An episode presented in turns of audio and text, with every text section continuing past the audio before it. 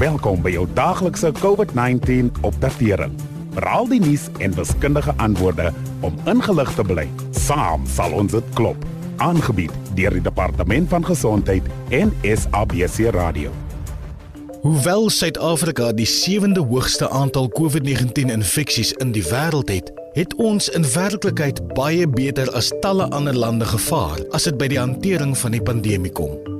Om die waarheid te sê, as jy ons algehele aantal infeksies in verband bring met die grootte van ons bevolking, sak ons af na die 23ste plek in die wêreld. Baie lande in Europa, Noord-Amerika en Latyns-Amerika het baie hoër infeksiekoerse as ons in aangeteken. En selfs indien die finale sterftesyfer sou verander omdat daar gevalle was wat nog nie bygereken is nie, het Suid-Afrika steeds besonder indrukwekkend presteer. Maar dit is nie slegs met Suid-Afrika die geval nie. Die Afrika-kontinent as geheel het die wetenskaplike wêreld verras met ons lae infeksie en sterftekoerse wat neerkom op minder as 1 uit elke 100 COVID-19 sterfgevalle wêreldwyd. Soos gesien kan word uit Suid-Afrika se eie hoë herstelkoers tot nou, lyk dit asof ons om die een of ander rede meer weerstandig vir die koronavirus is as die bevolkings van baie ander lande. Saam het ons almal goed gevaar in die eerste helfte van ons stryd teen die virus. Ons kan egter nie bekostig om die voorsprong te verloor wat ons so hard gewerk het om op te bou nie. Ons het steeds 'n lang pad om te loop voordat Suid-Afrika geheel en al van die pandemie ontslae sal wees. In vandag se insetsel gesels ons met ons gas om 'n bietjie perspektief oor ons COVID-19 syfers te kry en om beter te verstaan hoekom ons tot dusver so goed gevaar het. As jy enige vrae na afloop van vandag se insetsel het, besoek gerus ons Sikaba iCovid19 Facebook bladsy waar ons span met graagte vir jou antwoorde sal verskaf.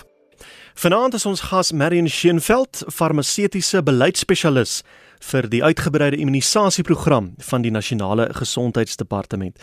Marion, ons weet COVID-19 bly 'n ernstige saak, maar Ek het so voeltjie oorvlei dat jy vandag vir ons goeie nuus het. Waar staan sake nou wat uh, Suid-Afrika se ervaring betref van COVID-19?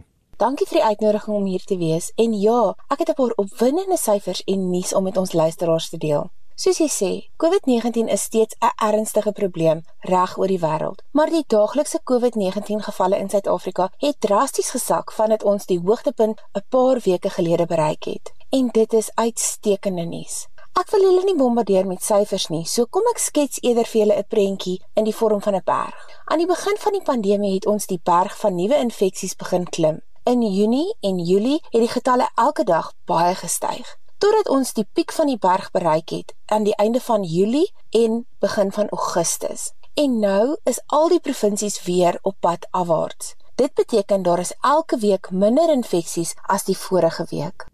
En ek verstaan Suid-Afrika se herstelkoers is van die beste in die wêreld. Ja, die aktiewe gevalle, dis nou die mense wat tans die siekte het, is ongeveer 10% van die totale getal. Of anders gestel, byna 9 uit elke 10 mense wat COVID gekry het, het reeds gesond geword. Daar is egter nog 'n goeie syfer om oor te spog. Suid-Afrika is hoog op die rangleer, ongeveer 16de in die wêreld wat dit betref met die aantal koronavirustoetse wat gedoen is. En dan ook die lae sterftesyfer, dis ook iets om uh, oor dankbaar te wees in vergelyking met ander lande in elk geval. Daar is 'n paar faktore wat in ons nasie se guns stel. Ons het byvoorbeeld 'n jong bevolking van gemiddeld 27 jaar oud. In Italië is die gemiddelde ouderdom ongeveer 45 en in die VSA sowat 38. Dit is belangrik wanneer dit by COVID kom, want ouer mense is ongelukkig geneig om ernstige simptome te kry en selfs te sterf. En elke sterfte natuurlik is 'n mens soos ek en jy, 'n lewe wat belangrik is en 'n lewe wat verlore gegaan het. En ek sê nie dat dit nie tel nie, maar as ons na die statistieke kyk, is ons jeugdige bevolking een van die redes waarom ons sterftesyfer so laag is. Daar is ook mediese navorsing oor ander bydraende faktore, soos byvoorbeeld 'n proefneming wat by Tygerberg Hospitaal plaasvind in Kaapstad om te kyk of die TBN-stof kan keer dat baie mense siek word van COVID. Wat interessant is, is natuurlik dat elke Suid-Afrikaanse kind die TBN-stof ontvang het, maar ek moet beklemtoon, dit is slegs 'n teorie wat nou eers in die navorsingsfase is. En wat van die afskaling na 'n minder streng inperkingsvlak so maande wat gelede het dit nie vir ons probleme veroorsaak nie. Weet jy dit lyk nie so nie. Dit het op 'n stadium gevoel asof die hele land asem ophou om te sien of die getalle weer gaan styg as ons oorskakel na vlak 2 toe. Maar dis al 'n paar weke terug en die getalle daal steeds. Om die waarheid te sê, party hospitale het al die sluiting van hulle COVID-sale begin vier. Ons moet egter nog steeds versigtig wees. En as ons almal aanhou om ons maskers te dra, distansiering toe te pas en handwasriglyne te volg, is daar 'n goeie kans dat ons die tweede golf van infeksies kan vryspring. Dit berus by elkeen van ons om onsself en almal rondom ons te beskerm. As ons wil hê die getal infeksies moet op 'n afdraande pad bly. Baie dankie, dit was Marion Scheenveld. Jy kan môre weer by ons aansluit so 'n omgewing van kwart voor 6 wanneer ons gesels oor die goeie nuus wat uh, nou nie net te doen het met die COVID gevalle nie, maar ook op ander terreine die rond te doen.